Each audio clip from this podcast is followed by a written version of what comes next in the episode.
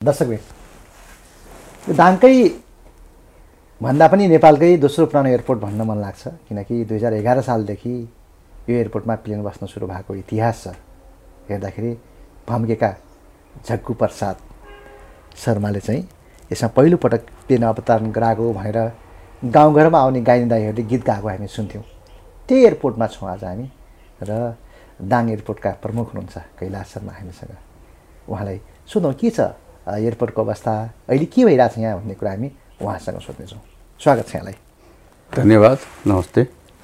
के छ अहिले एयरपोर्टमा? के के कुराहरू निर्माण भइरहेछ? यो दाङ एयरपोर्टभित्र हाल निर्माण भइरहेको सन्दर्भमा चाहिँ नेपाल आयल निगमले डिपोको लागि भवन निर्माण गरिरहेछ। जुन काम भइरहेछ कन्टिन्यू सायद अब फागुन चैत महिनासम्म कम्प्लिट गर्ला। काम झन् छिटो छरितो रूपमा अगाडि बढिरहेछ। पहिलाको तुलनामा त एकदमै ढिलो भयो है। पहिला त यो त गत साल नै भइसक्नु पर्थ्यो। यो पहिला अब कुराहरू भयो काम भएको थिएन के अब यसपटक चाहिँ नेपाल नागरिक उड्डयन प्राधिकरण अन्तर्गत दाङ एयरपोर्टसँग सम्झौता गरेर जग्गा लिजमा लिएर पाँच कट्ठा जग्गा र उहाँहरूले कामै सुरु गर्नुभयो। अब त्यसलाई नै छिटो मान्नु पऱ्यो अब। काम नहुँदासम्म त काम भएको भन्नु भएन आगामी नयाँ वर्षमा चाहिँ? हामीले चाहिँ रिफिलिङको फेसिलिटी सायद प्रोभाइड गर्छ होला यहाँबाट। ट्याङ्की पनि आइसकेको छ है? ट्याङ्की आइसक्यो यो बत्तिस हजार किलो लिटर प्लस बाउजर छ अरे बाह्र हजार किलो लिटर गर्दाखेरि बयालिस हजार किलो लिटरको फ्युल चाहिँ एभाइलेबल हुन्छ हामी यहाँ अब दाङमा यो रिफिलिङ सेन्टर भयो भने के सुविधा हुन्छ के फाइदा हुन्छ के सजिलो हुन्छ? अब अहिले अब जहाजलाई काठमाडौँ दाङ काठमाडौँ जुन नेपाल एयरलाइन्सले यहाँ फ्लाइट गरिरहेछ त्यसको लागि अब उसले उहीबाट इन्धन बोकेर आउनुपर्छ। उताबाट बोकेर आउने बेला अरू त्यसको सट्टामा यहाँ जुन बर्न गर्ने बिचमा खर्च हुने फ्युल छ त्यसको सट्टा प्यासेन्जरहरू आउनु पाउँथ्यो। अनि अर्को कुरा फ्युल फेसिलिटी यहाँ एभाइलेबल भयो भने अरू जहाजहरू पनि सम्भावना होला जस्तो तराईमा कुहिरो लागेर हिमाली भेगतिर पाहाडतिर फ्लाइट हुन नसक्ने अवस्था हुन्छ कुनै बेला। शीतलहरीले गर्दा दस दिन बाह्र दिन पन्ध्र दिन नेपाल एयरपोर्ट जस्तो क्लोज हुन्छ। त्यो बेला प्राइभेट एयरलाइन्सहरूले यहाँ फ्यु रिफिलिङ फेसिलिटी भयो भने व्यापारीले लोड त यहाँ पनि ल्याउन सक्छ। नि नेपाल दाङ सबै एउटै हो खास लोड यहीँ ल्याइदियो भने त यहाँबाट माथितिर फ्लाइट हुन सक्ने सम्भावना निकै छ नि त्यो पनि त्यो सिजनमा। अनि उनीहरूलाई पनि के हुन्छ भने रिफिलिङ यहाँ नभएर यहाँबाट रिफिलिङ गर्नलाई जानुपर्ने कि सुर्खेत कि नेपालगञ्ज त्यो समस्या भएन। यहीँ पाइने भयो एयरपोर्टमै फ्युलिङ फेसिलिटी छ भने त त्यसले धेरै कुरा अर्थ राख्छ। तर यहाँ त फेरि सानो ट्विनेटर विमान मात्रै अवतरण गर्न सक्छ धावन मार्ग एकदमै सानो छ सात सय पचास मात्रै छ चौडाइ तिस मात्रै छ भन्छन् त। जस्तो बस्ने प्लेनहरू कसरी आउन सक्लान् यहाँ? त्यो फकको बेला होइन मैले त्यो भन्न खोजे पहाडी बेल्टमा उड्ने सानो जहाजको कुरा गरेको। हाललाई त दाङमा अहिले टुनेटर र डोनियर टाइपको जुन जहाजहरूको अवस्था बाहेक अरू ठुलो जहाजहरू आउने अवस्था छैन। हामीसँग रनवे त्यति ठुलो छैन। यतिलाई मात्रै एभाइलेबल छ रनवे। अब ठुलो जहाज आउनलाई त हामीले ठुलो रनवे जरुर दिनुपर्छ। रनवेको लेन्थ नबढाएर त ठुलो जहाजको परिकल्पना गर्न सकिँदैन। ठुलो भन्नाले कत्रोसम्मको विमान आउनलाई कतिसम्म विस्तार गऱ्यो भने पुग्छ? यहाँ हामीले घटीमा पनि अब अहिले हामीसँग भएको रनवे सात सय पचास हो जो ट्युनेटर डोनियर यिनीहरूलाई मात्रै पर्याप्त छ। यसबाहेक अब ठुलो जहाज खोजे हामीले एटिआर खोजेका छौँ कि होइन बम्बार्डियर खोजेका छौँ कि अथवा अर्को त्यो अरू जहाज त्यस टाइपको खोज्यौँ भने त ल्याउनलाई हामीले यहाँ चाहिँ रनवे बढाउनै पर्छ। रनवे अहिले सात सय पचास छ। हामीले घटीमा पनि दुई हजार मिटरको रनवे दिन सक्यो भने बल्ल हामीले इजिली त्यो फ्लाइटहरू अपरेट गर्ने आशा राख्न सकिन्छ। मान्छेहरू भन्छन् बाह्र पन्ध्र सय साढे बाह्र सय पन्ध्र सय बनाए पनि कम्तीमा छयालिस सडचालिस सिटका विमानहरू आउँथे त्यसले पनि धेरै फेरि यस्तो छ। हामीसँग अहिले अब यहाँ रनवे बढाउनलाई उत्तरतिर त यो व्यक्तिको जग्गाहरू छ भवनहरू निर्माण भएको छ। अहिले जग्गा पनि अ, छ। ऐलानी भन्नाले यो साउथतिर हाम्रो जुन रनवे थ्री फोरतिर त जमिनहरू त खाली छ त। ऐलानी जग्गा भन्छ जुन सरकारको जग्गा। त्यो जग्गाहरू लिनलाई पनि सजिलो भयो कस्ट पनि परेन सरकारले डिसिजन गरे पुगिहाल्ने भयो। त्यो जग्गा लिएर दक्षिणतिर हामीले रनवे बढाउन सक्ने सम्भावना त देखिन्छ। दक्षिणतिर रनवे बढाउनु पऱ्यो भने आखिर जग्गा पाइन्छ छ भने त नियर एबाउट दुई हजार मिटरको रनवे दिए त पछिसम्मलाई टेन्सन दूर हुन्छ नि त फेरि। ठुलो जहाजहरू इजिली आउन सक्ने भयो। ठुलो जहाजलाई त जति ठुलो रनवे उति आनन्द नि उनीहरूलाई। यहाँ त यही जिल्लामा हुर्केको जिल्लावासी होइन यही ठाउँको मान्छे पनि। कतिपय मान्छेहरूले नेताहरूले के पनि भने भन्दाखेरि यो दक्षिणतिरको चिरो भाट्न सम्भव छैन ठुलो चिरो छ अत्यधिक खर्च लाग्छ भनेर भने। त्यस्तै हो। अथवा अवस्था कि यो राजनीतिक भाषा हो। के होला तपाईँले देख्नु भएको अब चिरो भाड्नलाई त्यो चिरो पनि त्यति ठुलो भाड्नलाई महाभारत देख्दैन म। मेरो आफ्नो व्यक्तिगत विचारमा। एकदमै। कतिपय एयरपोर्टहरू हामीले देखेका छौँ पाहाडतिर पनि बनाएको। पूर्व म पनि नेपालको पूर्व पश्चिम विभिन्न जिल्लाहरूमा काम गरिरहेको छु एयरपोर्ट प्रमुख भएर पनि। ती जिल्लाहरूमा पनि थुप्रो अप्ठ्यारो ठाउँमा पनि एयरपोर्ट बनिया छन्। भने खासै त्यस्तो ठुलो त देख्दैन। शान्तिनो त्यो चिराहरूलाई त पुर्न सकिन्छ नि। अहिलेको टेक्नोलोजी कौन सा गाह्रो छ र। केही रकम बढी लाग्ला तर बन्न नसक्ने भन्ने कुरा त देख्दिनँ मेरो विचारमा। ठिक छ। अब एउटा टर्मिनल भवन पनि बनाएको छ अहिले अहिले होइन? गत वर्षतिर एक दुई वर्ष भयो। यसले अलिक सहज भएको छ। यो अहिलेको? हाम्रो दैनिक एउटा फ्लाइटको लागि यो टर्मिनलले काम चलाउँछ। सहज एकदम विमानस्थल जस्तोको सुविधा सम्पन्न नदिए पनि काम चलाउ भएको छ। यात्रुहरू आएर भित्र बस्न पाउनु भएको छ। शौचालय भित्र पानीको व्यवस्था हामीले जे छ हुनुपर्ने न्यूनतम कुराहरू उपलब्ध गराएको छौँ। अब यसलाई पर्याप्त त भन्न मिल्दैन तर काम चलेकै छ अहिलेको परिवेशमा घाम पानी ओत्ने भएको छ। घाम पानी ओत्ने भएको छ पार्किङ एरिया छ गाडी साडी गाडीहरू राख्ने। अब भोलि यहाँ पनि चाप बढ्यो फ्लाइटको मुभमेन्ट बढ्यो भने हाम्रो पनि लगानी त्यही अनुसार बढ्ला भन्ने आशा राखेका छौँ। टावरको अवस्था के छ? नि यो पनि धेरै टावर पनि यो स्थापना कालदेखि नै जीर्ण अवस्थामा छ। यसले काम चलाएको छ। अहिले हाम्रो नयाँ कन्ट्रोल यहाँ फिट भएको छ। यो चाहिँ काम गर्नलाई हामीहरू एयर ट्राफिक कन्ट्रोलरहरूलाई एकदम राम्रो छ। नयाँ कन्ट्रोल छ यो पनि। कहिले आएको यो? यो चान्चुन भयो आठ नौ महिना भयो। टावरको बिल्डिङ चाहिँ निकै पुरानो छ। सायद अब योचोटि सुनेको छु मैले बजेट पढेको छ। अब त्यसले नयाँ कन्ट्रोल टावर पनि बन्ला। त्यो भइदियो भने यति राम्रो ऊ छ होइन? कन्ट्रोल छ। सजिलो धेरै सजिलो हुने अ, है। का धेरै राम्रो हुन्थ्यो। अब यस्तो यो महँगो इक्विपमेन्टहरू। सबै हामीसँग यो छ। भित्र चाहिँ सुविधायुक्त अब के अरे टर्मिनल टावर हो सुविधायुक्त टावर भयो भने बसेर काम गर्न पनि सजिलो हुन्छ। यसलाई मर्मत गर्ने जस्तो पनि छैन यो। अब नयाँ नै बनाउँदा उपयुक्त देखिएला। एकदमै। अरू के कठिनाइ छन् तपाईँहरूले यहाँ काम गर्दाखेरि? अप्ठ्याराहरू? त्यस्तो एउटा सजिलो। फ्लाइट अपरेट गर्नलाई खासै एकदमै गाह्रो त केही छैन यो। एउटालाई अब अरू कुराहरू भन्नाले अब एयरपोर्टको बाहिरी हाम्रो यो पुरानो तारबार हो। तारबार चाहिँ काँडे तार लगाएर रहेछ पहिला अब यसलाई पछि भविष्यमा च्यानलिङ गर्नुपर्छ। च्यानलिङ फिनिसिङ भयो भने त्यहाँ के हुन्छ भने कुनै पनि चिज छिर्न पाउँदैन। सुरक्षाको लागि धाउनु मार्ग सुरक्षा। त्यो पछि गर्नुपर्छ। तारहरू पनि पुरानो भएको छ ठाउँ ठाउँमा गएको छ। फेरि हामी मर्मत गर्छौँ। फेरि व्यक्तिहरूले पनि कतिपयले अब चरण घाँसको लागि पनि यसो खोलिहाल्छन् काटिहाल्छन्। यो सबैतिरको रोग हो। एकदमै। हो। सो नेपालगञ्ज एयरपोर्टमा अहिले पछिल्लो चाहिँ हामी सुन्दै आएको छौँ होइन। कहिले बन्देलसँग ठोकिन्छ प्लेन कहिले चाहिँ स्यालसँग प्लेन ठोकिन्छ अहिलेसम्म यहाँ त्यस्तो त भएको छैन है। नेपाल एयरपोर्टमा म बस्दा पनि त्यो समस्या थियो। त्यहाँ कस्तो छ भने यो पूर्व दक्षिणतिरको साइडतिर जङ्गलसँग अट्या छ। त्यहाँ पनि यही रोग हो। उहाँ त च्यानलिङ फेनेसिङ भनिन्छ तर काट्छन्। गाउँलेहरू आउने घाँस काट्ने लुकेर भित्र पस्ने अनि खोल्ने। त्यसले गर्दाखेरि त्यो फेरि आज टाल्यो फेरि कति बेला गर्छन्। त्यो छ अनि झाडीहरू पनि अलिकति यतातिर भनौँ न पूर्व दक्षिणतिर विशाल छ अनि जङ्गल अट्या छ। यो बदलहरू अरूले त त्यो माथिबाट जस्तो च्यानलिङ फ्यालिसिङ लगाएको छ तलबाट पनि उसले त्यो के भन्छ माटो खोर्सेर पनि भित्र त्यो फेरि पालहरू बनाइदिइहाल्दो रहेछ। त्यसले गर्दा त्यो समस्या अलि जटिल छ नेपालगञ्जमा। स भनौँ अहिलेसम्म त त्यति ठुलो मानवीय क्षति भएको छैन तर सानोतिनो त्यो घटनाहरू त भइरहेको हुन्छ त्यहाँ। तर यहाँ त अहिलेसम्म त्यस्तो फेस यहाँ छैन। यहाँ सामान्य कि त्यस्तो खास केही छैन। यो कहिलेकाहीँ अब वस्तुभाउ छिराउँछन्। गाई बस्तु गाई बस्तु? भन्दा पनि स्थानीयले हामीले विमान आउनुभन्दा अगाडि नै एक घन्टा अगाडि नै रनवे पनि हेरेर अनि पुलिस सुरक्षाकर्मीहरू सबैतिर राखेर अवतरण गर्ने।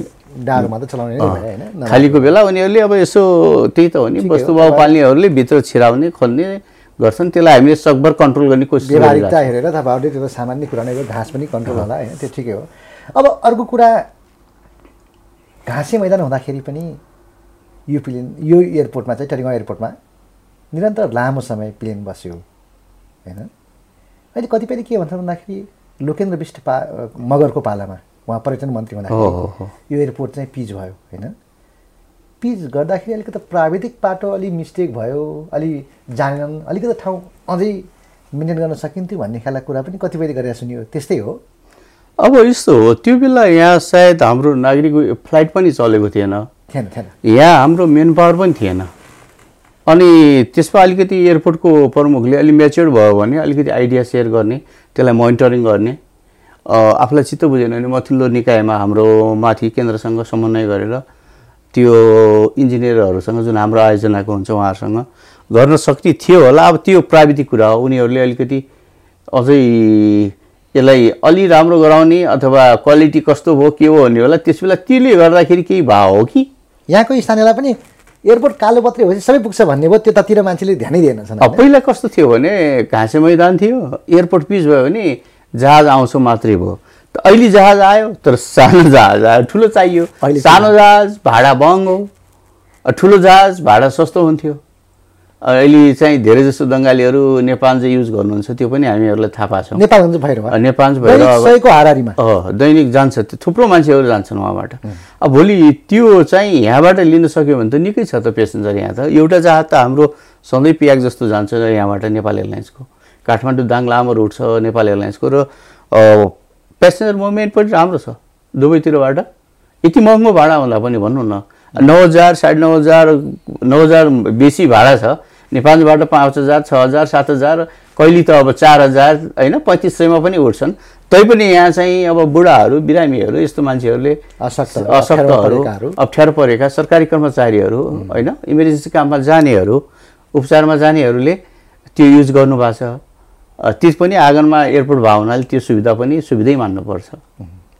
अब प्राविधिक कुराहरू कति गर्न मिल्छ हामीले होइन? अब यहाँले भने जस्तै रिफिलिङ सेन्टर सेन्टर भयो भने यहीँ तेल भर्ने सुविधा भयो भने त्यो काठमाडौँबाट तेल बोकेर ल्याउने समस्या समाधान भएपछि अलि भाडा सस्तो हुन्छ। ओ त्यति त नहोला। अलिकति केही हेरफेर हुन सक्ला है। त्यो डिटरमाइन अब त्यो भाडा निर्धारणले गर्छ। त्यो अब अर्को कुरा के छ भने प्यासेन्जर अरू चढ्नु पाउने भयो नि त। उसले त जुन फ्युल कतिवटा सिटमा चाहिँ त्यो फ्युल बोकिन्छ। होइन त्यसै ल्याइँदैन उसले जुन जहाजले आफूले इन्जन फ्युल ट्याङ्कीमा हाल्छ नि त्यो त वेट हो नि त। आकाशमा उड्दा त्यसले त वेट बढायो नि त। आखिर त्यो वेट उसले त यहाँसम्म आउने र आफ्नो अलिकति एक्स्ट्रा जो इमर्जेन्सी पर्दाखेरिको फ्युल बोक्छ। अरू फ्युल त फेरि जाने फ्युल त यहीँ बढ्छ अब त सजिलो नि भयो। त्यसले गर्दाखेरि त्यसको ठाउँमा मान्छेले अरू चान्स पाउने भयो प्यासेन्जरले अहिले चाहिँ यहाँ जो अहिले अवतरण भइरहेछ यो। प्लेनले कतिजना मान्छे बोक्छन्? म्याक्सिमम् त्यही अठार उन्नाइस त्यही हो। ए अनि त्यो हो भने कतिसम्म बोक्न सक्छ? उताबाट त्यो फ्युलिङको फेसिलिटी भने उताबाट पनि सोह्र सत्र अठारजना ल्याउन सक्छ। यताबाट पनि त्यस्तै जाने यताबाट पनि त्यस्तै हो। ए त्यसपछि केही राहत होला भन्ने रातो हुनसक्छ सुविधा भयो भने फ्युलिङको फेसिलिटी भयो भने त केही पढ्दा ओर्दा यो ठुलो कुरो हो नि। अब अलिकति भावनात्मक सम्बन्ध पनि छ तपाईँको पनि यही ठाउँको मान्छे भएको हुनाले। सबै दाङवासीले तपाईँलाई हेरिरहेको पनि यो हेर्दै गर्दाखेरि त्यति पुरानो एयरपोर्ट दुई हजार एघार सालमा स्थापना भयो होइन? त्रिभुवन विमानस्थल सँगसँगैको एयरपोर्ट लगभग। तर एयरपोर्टको विकास हुन सकेन किन सकेन होला? यस्तो भयो सुरु मेरो आफ्नो विचारमा है सुरु सुरुमा दाङमा बाटोघाटो थिएन। बाटोघाटोलाई प्रायोरिटी दिइयो। बाटो बन्यो। ठाउँ ठाउँमा गाउँ गाउँमा बाटो भयो यतिले पुग्छ भन्ने हो समयक्रमसँग मान्छेहरूलाई पनि बसाइ काठमाडौँ बढ्दै गयो। बाटोघाटो भयो एक्सेस पुग्यो कतिपय द्वन्द्वको कालले पनि मान्छेहरू छोड्दै अब म्याग्नेस उतातिर गए काठमाडौँतिर गए कतिको गैली धेरै बङ्गालीहरू चाहिँ अहिले काठमाडौँ दाङ बसोबास छ। अब त्यसले बसाइसराई भयो अनि रुकुम रोल्पा प्युठानका मान्छेहरू पनि धेरै काठमाडौँ हुनुहुन्छ उहाँहरूलाई पनि दाङ पाइक पर्छ। सबभन्दा भनौँ न एयरपोर्ट भएको सजिलो जिल्ला र उहाँहरूको कतिपयको दाङमा घरवास पनि छ उहाँ माथितिर पाहाडतिर पनि छ। त्यसले गर्दाखेरि यो एक्सेस बढ्दै गयो र सुविधा खोज्दै जाने क्रममा अहिले अब ओहो विमानस्थल चाहिँदो रहेछ। दोस्रो कुरा काठमाडौँको बाटो होइन? जाम। जाम ठाउँ ठाउँमा पहिरो जाने। यी समस्याले गर्दाखेरि त यहाँबाट के छ अरे एक घन्टामा त एक घन्टा पाँच मिनटमा त यो ट्विन एटर जहाजमा इजिली पुगिने भयो। बाह्र घन्टा बाह्र घन्टा बाह्र घन्टा। त्यो कुनै कुनै बेला त बर्खाको याममा त्यो बेला सोध्छु दुई दिन तिन दिन बिचराहरू बाटोमा अड्किन्छन्। कतिको इमर्जेन्सी काम हुन्छ त्यस्तै सिरियस बिरामी हुन्छ दुई घन्टाभित्र काठमाडौँ पुगा तिन घन्टाभित्र काठमाडौँ पुगा अन्यथा चाहिँ खतरा छ भने त्यस्तो रिफरहरू पनि आउँछन्। त्यसले त फ्याट जहाजमा चढेर त पायो त सुविधा पुग्न सक्यो। ती विविध कारणले गर्दाखेरि अहिले विमानस्थल चाहिँ अति आवश्यक भयो अझै खुलेर कुरा गरौँ न है। जस्तो कतिपय सरसार मान्छे के भन्छन् भन्दाखेरि दाङले गतिलो नेता नै पाउन सकेन जन्माउन सकेन। जसले चाहिँ एयरपोर्ट बनाउन ध्यानै दिएनन् कसैले पनि भन्ने खालको छ। त्यो फ्याक्टर पनि एउटा होला किनभने नेता त धेरै हुनुभयो यहाँ। दाङमा हुनुहुन्छ भनौँ न सशक्त। नेताहरू लाग्यो भने यो एयरपोर्टलाई विस्तार गर्न अथवा यसको अझै राम्रो उन्नति गर्नलाई सक्नुपर्छ। पोलिटिकल लिडरहरूले पनि मेरो आफ्नो विचारमा विकास निर्माणमा चाहिँ एकरूपता भएर अगाडि बढ्दा राम्रो हुन्थ्यो होला। राजनीति आफ्नो ठाउँमा थियो होला। उहाँहरू विकास निर्माणमा समस्त दाङको लागि जुनसुकै पार्टीको भए पनि गऱ्यो भने त दाङकै विकास हुने हो सबै चढ्ने हो यहाँ। त्यो राम्रो हुन्थ्यो। त्यही त अब यहाँले विकासको कुरा गरिहाल्नु हो। मान्छेहरू के भन्छन् भन्दाखेरि जबसम्म चाहिँ टरिगाउँ एयरपोर्ट विस्तार हुँदैन तबसम्म यहाँ न राम्रो एउटा मेडिकल कलेज खुल्छ न चाहिँ राम्रो यहाँ एउटा राम्रो पाँच तारे होटेलहरू नै खुल्छन्। सबैको एउटै ब्लकेज भनेको टरिगाउँ एयरपोर्टको विस्तार हो भनिरहेछन् यो ठिकै हो? यो कुरा एयरपोर्टले धेरै कुराको चिज चाहिँ राम्रो कुराहरू ल्याउँछ। किनभने अहिले मैले बुझेको र मैले मेरो देखेको उमा पनि म पनि कर्णालीको विभिन्न ठाउँमा बसेँ नेपालमा बसेँ। अब नेपालगञ्जमा कुनै एनजिओ आइएनजिओहरू आएर प्रोग्राम लन्च गर्दा उनीहरूले कुनै कार्यक्रम चलाउँदा बिहान काठमाडौँबाट आयो दिनभरि कार्यक्रम गरेर साँझ काठमाडौँ फर्किन सक्छ उनीहरू चाह्यो भने। र फेरि जति बेला पनि भनौँ न दिनभरि फ्लाइटको सुविधा छ। एउटा नभए अर्को अर्को नभए अर्को। अब हाम्रो दाङमा पहिले पो नेपाल एयरलाइन्सले दैनिक एउटा राख्यो। त्योभन्दा अगाडि त हवाई एक्सेसै थिएन। मोटर बाटो मात्रै। कि त नेपाल आउनुपर्ने त्यहाँबाट तिन घन्टा साढे तिन घन्टाको ड्राइभमा दाङ आउनुपर्ने। उनीहरूले खोजेको अनुसारको सुविधायुक्त होटल र त्यो यातायातको हवाई यातायातको सुविधा पनि प्रमुख कारण हो। त्यसले गर्दा ओ त्यो मोमेन्ट यहाँ बढ्थ्यो यहाँको बिजनेस चल्थ्यो यहाँको अरू एक्टिभिटी बढ्थे। यो त इको सिस्टम जस्तो हो नि। पैसा त एक ठाउँमा बस्दैन नि। बगिरहन्छ नि यताउता। मेजर अपरेसन गर्ने डक्टरहरू काठमाडौँ आएर अपरेसन गरेर फेरि काठमाडौँ एकदम। डक्टर अब हस्पिटल छ। काठमाडौँको अहिले हेर्नु न पूर्वतिर पनि काठमाडौँबाट डक्टरहरू आउँछ। बिहा नेपालमा आउँछ। यस डक्टरहरू आफ्नो कार्यक्रम गर्छ। चेक गर्छ पेसेन्जर साँझ फर्किन्छ। तर यहाँ आउन मान्दैनन्। बुटोलसम्म आउँछन् जान्छन्। भैरवा एयरपोर्ट छ सट्ट बुटोलमा आए जान्छन्। यहाँ त सरकारी अब यहाँ- अस्पतालमै डक्टर उनीहरूलाई पनि के छ भने ल त ठिक छ म बिहान दाङ जान्छु दिनभरि पेसेन्जर चेक गर्छु साँझ चाहिँ अरे मतलब पेसेन्टहरूलाई चेक गर्छु साँझ फर्कन्छु। त्यो भन्न चाहिँ यहाँबाट अलिक गाह्रो छ। एउटै जहाज छ अब जानु पऱ्यो कहाँ त? फेरि नेपाल। सिट पनि पाइँदैन फेरि। नेपाल जानु पऱ्यो दिनभरि यहाँ जानु पऱ्यो नेपालको साँझसम्म पुग्नु पर्ने हुन्छ त्यसले गर्दा पनि एउटा अलिकति ठुलो कुरा चाहिँ राख्छ यसले महत्त्व राख्छ हवाई यातायातले त। अहिले प्रमुख तपाईँलाई एउटा अर्को प्रश्न सोध्छु। धेरै मान्छेहरू के भन्छन् भन्दाखेरि होइन यो चाहिँ दाङ एयरपोर्टमा बस्ने प्लेन चाहिँ सानो छ अलिक जोखिमयुक्त पनि छ बढी हल्लाउँछ यात्रा कष्टकर हुन्छ भने त्यसै हो यस्तो छ अब सुविधाको रूपमा त त्यो कुरा अहिले अब प्यासेन्जरहरू नेपाली छ। नेपालीहरू देश। विदेश गइसके राम्रो जहाज चढ्ने बानी लागेको छ नेपालबाट अब भनौँ न नेपाल गयो भने ठुलो जहाजहरू छ अब श्री छ जेट इन्जन भएको त्यस्तो जहाज चढ्ने सुविधा छ पैँतिस मिनट अडचालिस मिनट होइन पचपन्न मिनटमा काठमाडौँ पुग्ने जहाजहरू छन् एटिआर छ होइन बम्बाडियर छ सिआरजे छ त्यस्तो जहाजहरू चढ चढेको मान्छेलाई त यो पुरानो जहाज हाम्रो चाहिँ अलिकति अब नराम्रो छ ओ नोइजी छ भन्नु स्वाभाविकै हो। त्यो अब फेसिलिटीहरू राम्रो हो र नराम्रो दाँजे आउनु उनीहरूले त्यसको लागि हो। च नत्र त नेपाल एयरलाइन्सको जहाजहरूले अहिलेसम्म नेपालको दुर्गम जिल्लाहरू सबैमा यसैले नै तान्या हो अहिले। पनि चलेको हो एकदम। हामीहरू पहाडी जिल्लामा काम गर्दा नेपाल एयरलाइन्सकै जहाजहरू या अर्को एयरलाइन्सले पनि ट्विनेटर पनि अपरेट गरिरहेको थियो अहिले पनि धानेकै धानेकै यो यसैले विगत हो। अब पुरो पुरानो हो बिग्रेको नोइजी त्यस्तो होइन अब पुरो बिग्रेको भए त बन्छ नि त्यो कुरा होइन अब जहाज अलिकति ओल्ड चाहिँ हो तर अब सानो जहाज हो सानो जहाजमा जे जति हुनुपर्ने फेसिलिटी त छ नि उहाँ पनि तर सिक्युरिटीको कुरा पनि मान्छेहरूले। सेक्युरिटीको कुरामा? पनि अनि सेक्युरिटीकोमा त सबै सेक्युर्ड भएर नै उठ्छ यो सिभिल बि- हाम्रो त हामी जुन नि- नियमनकारी निकायहरू छौँ हाम्रो बिना त्यो गाडी जस्तो अथवा कुनै बिग्रियो यो यतिमा चलाउँ भन्ने हुँदैन नि। नियम त कडा छ। हामीहरू पनि उड्नै दिँदैनौँ त्यस्तोमा हामीले आफ्नो नियममा अ, उड्छ उनीहरूको सबै मेन्टेनेन्स चेकअप सब हुन्छ नि त। त्यो अलिकति गफ गरिदिने बाटो हो त्यस्तो हुँदैन। तपाईँ आफै पनि चढ्नु भएको छ यहाँ दाङ म चढाएको छु त्यो। म अफिसियल हिसाबले काठमाडौँ जाँदा कतिपय आफ्नो काममा जाँदा बिदामा चढ्छु यी दाङबाट पनि युज गरेको छु। अब लामो छ अलिकति लामो रुट छ होइन? एक घन्टा पाँच मिनट लामो हो नि त। नेपालबाट चढ्यो भने त उस्तै पऱ्यो भने त पैँतिस मिनटमा पुगिन्छ। अडचालिस मिनटमा पुगिन्छ पचपन्न मिनटमा पुगिन्छ। अलिक ठुलो जहाज छ सुविधा अलिकति बढी छ अ, त्यसमा होइन? त्यो हिसाबले अब यिनीहरू त जुन मोडल हुने हरेक चिज त्यस्तै हो नि तपाईँ नयाँ गाडी किन्नु भने त नयाँ नयाँ भर्सनहरूमा त नयाँ नयाँ फेसिलिटीहरू थप्दै जान्छ हो नि। मैले यहीँनिर तपाईँलाई मार्न खोजेको जस्तो अहिले पनि क्षेत्रीयताको कुरा उठिरहेको छ।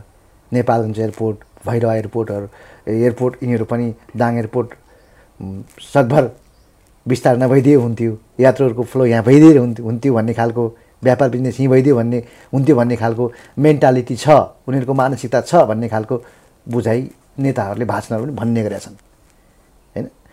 अब सारा मान्छे चाहिँ नेपालमा गएर भैरवा गएर सेल्फी खिच्दै चिने जानेको राम्रो मान्छे नि।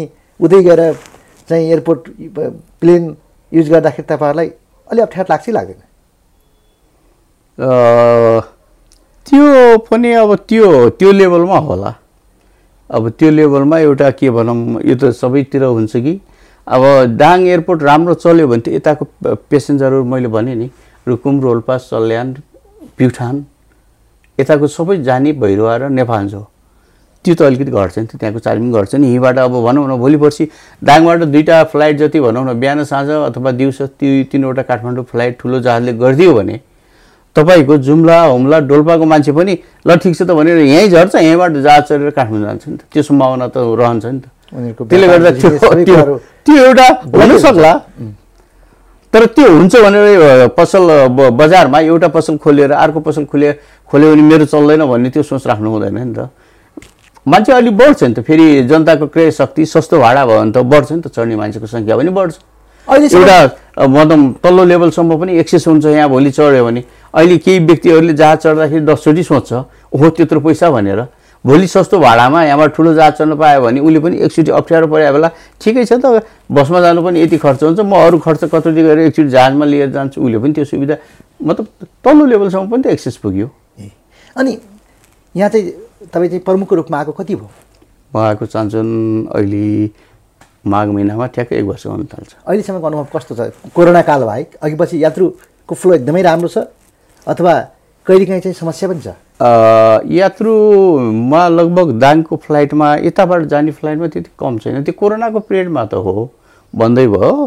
नत्र त्यो दसैँको पिरियडमा फेरि उताबाट आउने फ्लो अलिकति बढी यताको अलिकति कम हुन्छ। तर त्यति कम पनि थिएन।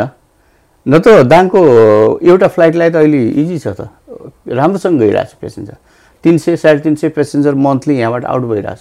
यहाँहरूले चाहिँ मैले अघि नै भन्नु यहाँहरूले चाहिँ यही यही एयरपोर्ट युज गर भनेर अलिकति त्यो हिसाबले कहीँ भन्ने भनिन्छ दाङको पनि फ्लाइट छ। यता भन्दाखेरि कतिपय चिने जानेका मान्छेहरूले ए यहाँभन्दा त नेपालमा अलिक सस्तो छ त उतैबाट जानु पर्ला भनेर त्यस्तो मौखिक रूपमा उहाँहरू जो मैले चिने जानेका आफन्तहरूले पनि उति जान सजिलो मान्छन् र यहाँबाट चार सय पाँच सयमा नेपाल पुगिन्छ। उसले चारै हजारको टिकट पायो या पाँचै हजारको पायो भने पाँच पाँच सय पचपन्न सयमा त्यहाँ गयो। पचपन्न सयले ऊ काठमाडौँ पुग्छ। अब यहाँबाट नौ हजारभन्दा त जाने आउने भाडाले त उसको टु- टुएर पुगेर पनि पाकेट खर्च बच्ने भयो नि त। त्यही त नागरिक उड्डयनले चाहिँ उहाँ निजी कम्पनीहरू पनि धेरैले विमान कुदाइरहेछन्। नागरिक उड्डयनले यो कुरा सोध्दैन। यहीँबाट अझै यात्रीको फ्लो गराउन अलिकति चाहिँ भाडा कम गराउन यस्तो कुराहरू होइन यस्तो भाडा निर्धारण पनि एउटा विधि र प्रक्रिया अन्तर्गत हुन्छ होइन? सबै एयरलाइन्सहरूले अब अथवा यो भाडा त भनौँ न नेपाल एयरलाइन्सलाई त कति सरकारले सब्सिडी दिएको हो। प्राइभेट भइदिए अब यिनीहरू अझ महँगो लिन्थे कि? यहाँ पहिला यो समिति अहिलेको गोमाले पनि चलायो त्यो बेला पनि दस एघार हजार कति थियो। अब भाडा सायद दाङ सुर्खेत अरे के अरे काठमाडौँ दाङ सुर्खेतको यो एउटा टच फ्लाइट चलाएको थियो। त्यो बेला चल्यो तर त्यो भाडा महँगोले पनि बिचमा रुक्यो। उदय वाइनसँगले चलाएको थियो। अब त्यो भाडा सकभर कम गर्दाखेरि राम्रो हुन्छ। अलिकति क्याटेगोराइज छ भाडा पनि। कम गर्ने कोसिस गरियो तर अपरेटिङ कस्ट त निक्लिनु पऱ्यो नि त। अन्त्यतिर अब कति छ यो एयरपोर्टको क्षेत्रफल? हामीसँग यो दाङमा अब बिघाको चलन छ नि त हिसाब छ। बत्तिस बिघाभन्दा थोरै अलिकति बढी छ। चौडाइ चाहिँ इनफ छ। एकदमै महत्त्वपूर्ण ठाउँमा छ एयरपोर्ट। एकदम राम्रो बजारदेखि दुई किलोमिटर साउथमा छ तुलसीपुर बजारदेखि। लोकेसन ठिकै छ। अब त्यो बेला चाहिँ ठुलो चौरको रूपमा रहेको यो एयरपोर्ट स्थापना भयो। त्यति बेलाका मान्छेहरूले धेरै सोच्नु भएको धेरै हो। सोचेका हुन् है। जग्गु प्रसाद आचार्यले ठुलो मेहनत गरेर यसको इस्टाब्लिस गराउनु भयो राम्रो हो। कमसेकम त्यो बेला यातायातको सुविधा नभए बेला भैरवा हो काठमाडौँबाट यहाँ चाहिँ निकै चलेको एयरपोर्ट हो पहिला। सबैभन्दा विशेषता यसको चाहिँ विशेषता यसमा चाहिँ पुसमाग जस्तो कुहिरो लाग्ने बेला पनि हुस्सु लाग्दैन। भिजिबिलिटी राम्रो हुन्छ भन्ने हो। ओ पुसमागमा अहिले हेर्नुहोस् एकैछिन लाग्छ। ल कुनै बेला बाक्लो कुहिरो लाग्यो नेपालतिर व्यापक शीतलहरी चलेको बेला यहाँ इफेक्ट गऱ्यो भने त्यही बढीमा नौ म्याक्सिमम् गयो नौ दस बजे हो। त्यसपछि त खुलिहाल्छ यो। तपाईँ त्यो बेलामा तराईको एयरपोर्टहरू होल डेज खुल्दैन। म आफै नेपालमा ड्युटी गरेर बसेको। दुई वर्ष तिन वर्ष फेरि टेम्परेचर लो हुन थाल्छ फेरि नखुलेको घटनाहरू मैले भोगेको पनि छु। अनि पाहाडतिर बसियो जहाज उड्ला भन्यो कुर्यो कुर्यो हुम्ला एयरपोर्ट जुम्ला एयरपोर्टमा बस्दा खुल्ला खुल्ला खुल्दैन। त्यो बेला चाहिँ यात्रुहरू नेपालमा पाँच दिन सात दिन दस दिन बस्यो। उसको पाकेट खर्च पनि गयो काम पनि छुट्यो पैसा पनि खर्च भयो दुःख पनि पायो। उता पनि त्यस्तै हो आउनु पाउँला भनेर। अझ अहिले त जुम्लामा अब रोड एक्सेस गएको छ भनौँ न। अरू हुम्ला जस्तो जिल्लामा। त्यो बेला त यहाँ रिफिलिङ छ भने त त्यो जहाज त यहीँ नाइट स्टप आएर यहीँबाट फ्लाइट अपरेट गर्छ नि उनीहरूलाई त क्रिउ ल्याएर यहाँबाट उडाउनलाई कुनै गाह्रो छैन नि। तेल सधैँ चाहिँ के चाहियो त? यहाँबाट जो जान्छ फेरि यहीँ बस्छ पेसेन्जर जान्छ। यहाँबाट त नजिक भयो त रोड एक्सेस गजब छ दाङबाट त जहाँ पनि काठमाडौँलाई पनि चारैतिर देशभरि गए पनि देश विदेश जाँदा पनि हामीसँग रोड एक्सेस त राम्रो छ नि त। एकदमै। अन्त मैले यहाँलाई सोध्न छोडाएको यो एयरपोर्टको बारेमा। यहाँले यो पनि भन्दै राम्रो होला भन्ने खालको त्यस्तो केही छ? एयरपोर्टको अब एयरपोर्टको बारेमा हामीले यसलाई बढाउनलाई पहल गर्नुपर्छ यसको स्तर उन्नति गर्नुपर्छ। त्यो बढाएर ठुलो जहाज ल्याउँ त्यही नै हो सबभन्दा राम्रो। बनाउने ठाउँ पनि स्पेस पनि तल। दक्षिणतिर छ साउथमा छ। एकदमै छ अब त्यो ठुलो खर्च लाग्छ यो खर्च अब कस्तो ठाउँमा त खर्च गरिया छ। होइन? यहाँ त झन् त्यो जमिन सरकारको हो त्योमा पैसै दिनु पर्ने सरकारले निर्णय गरे भइहाल्यो। जति सक्छ हामीले अलिक ठुलो जहाज ल्याउने कोसिस गरौँ रिफिलिङलाई एयरपोर्टलाई राम्रो बनाऊ। त्यसपछि दाङको शान हुन्छ एयरपोर्ट। व्यापार बिजनेस सबै बढ्छ यहाँ भोलि रोजगारको अवस्था सिर्जना हुन्छ होटल व्यवसाय चल्छ व्यापारीहरूको मुभमेन्ट बढ्छ एनजिओ आइएनजिओ अरू प्रोग्रामहरू ल्याउनेहरूको पनि मुभमेन्ट बढ्छ दाङको राम्रो हुन्छ नि त त्यो यो कुरालाई पनि त हेर्नु पऱ्यो हवाई यातायात भने त अहिले मुटु भइसक्यो हेर्नु न। अहिले त दुर्भाग्य जस्तै छ नि यहाँ जस्तो राम्रो राम्रो नेता राम्रो कलाकार आयो भने यहाँ नबसेर नेपालगञ्ज घोराई अथवा बाहिर जान्छन् ब- बास बस्नु त्यो त्यो गर्नलाई हामीले तिनीहरूले खोज्ने सुविधायुक्त ठाउँहरू अथवा चिजहरू त हुनु पऱ्यो नि त। नेपालमा राम्रो एयरपोर्ट छ राम्रो होटलहरू छन् त्यहाँबाट एक्सेस चारैतिर छ। अब यहाँ हामीले पनि गरौँ न। नभएर के अरे नहुने होइन नि त। भएर पनि गर्न सक्नु पऱ्यो त्यसले हाम्रो यहाँ पोलिटिकल लिडरहरूलाई तपाईँहरू पनि घचघिचाउनु पऱ्यो गर्नु पऱ्यो भनेर भन्नु पऱ्यो नि त। हामी आफ्नो ठाउँबाट लाग्छौँ। सबै लागेर चाहिँ दाङलाई राम्रो बनाउनु पऱ्यो नि दाङको सुन्दर भविष्य बनाउनु पऱ्यो भोलि भनौँ न त यहाँ एक डेढ सय दुई चार सय मान्छेले रोजगारीको अवस्था सिर्जना भयो भने तपाईँ हामी सबैलाई फाइदै त हो नि यहीँको मान्छेले खा गर्ने खाने त हो नि। समग्र जिल्लावासीलाई फाइदा। समग्र जिल्लावासीलाई फाइदाको कुरा हो। हवस् धेरै कुरा गऱ्यौँ तपाईँसँग एकदमै मिठो कुरा रमाइलो कुरा भयो। यो एयरपोर्टको बारेमा। होइन? धन्यवाद। अब पहल गर्नुहोस्। चारैतिरबाट तपाईँहरूले पनि पोजिटिभ सल्लाह दिनुहोस्। सबै नेताहरूलाई विकासको कुरामा नेताहरू एक भएर लाग्नुहोस्। राम्रो बनाउनुहोस् भनेर दिनुहोस्। मैले पनि त्यही भन्छु। गर्नुहोस् तपाईँहरू। सम्भावना छ। मैले भोगेको अनुभव गरेको म त कर्णालीकोमा पनि दस बाह्र वर्ष डोल्पा हुम्ला जुम्ला एयरपोर्टहरूमा थुप्रो वर्ष काम गरेर आएको छु। कस्तो कस्तो एयरपोर्टहरू छ? तालचा विमानस्थल हेर्नुहोस् कस्तो छ। होइन? कति खर्च त्यस त्यहाँ? अति दुर्गमहरूमा पनि बनेका छन् चलेका छन् भने हाम्रो त यो के अरे भित्री मधेसको जिल्ला समथल भूभाग केही खर्च त हुन्छ नि। विमानस्थल जस्तो चिज बनाउँदा त थोरै बढी अलिकति खर्च भन्ने कुरा अहिलेको सरकारले बनाउनुमा त्यति ठुलो कुरा होइन होला जस्तो लाग्छ मलाई। र सबभन्दा हाम्रो यहाँको सबैको इच्छा शक्ति र यसलाई बनाउनुपर्छ भन्ने भावना भयो भने सायद सब असम्भव छैन होला। हवस् धन्यवाद। धन्यवाद ल है सबैलाई नमस्ते। Thank you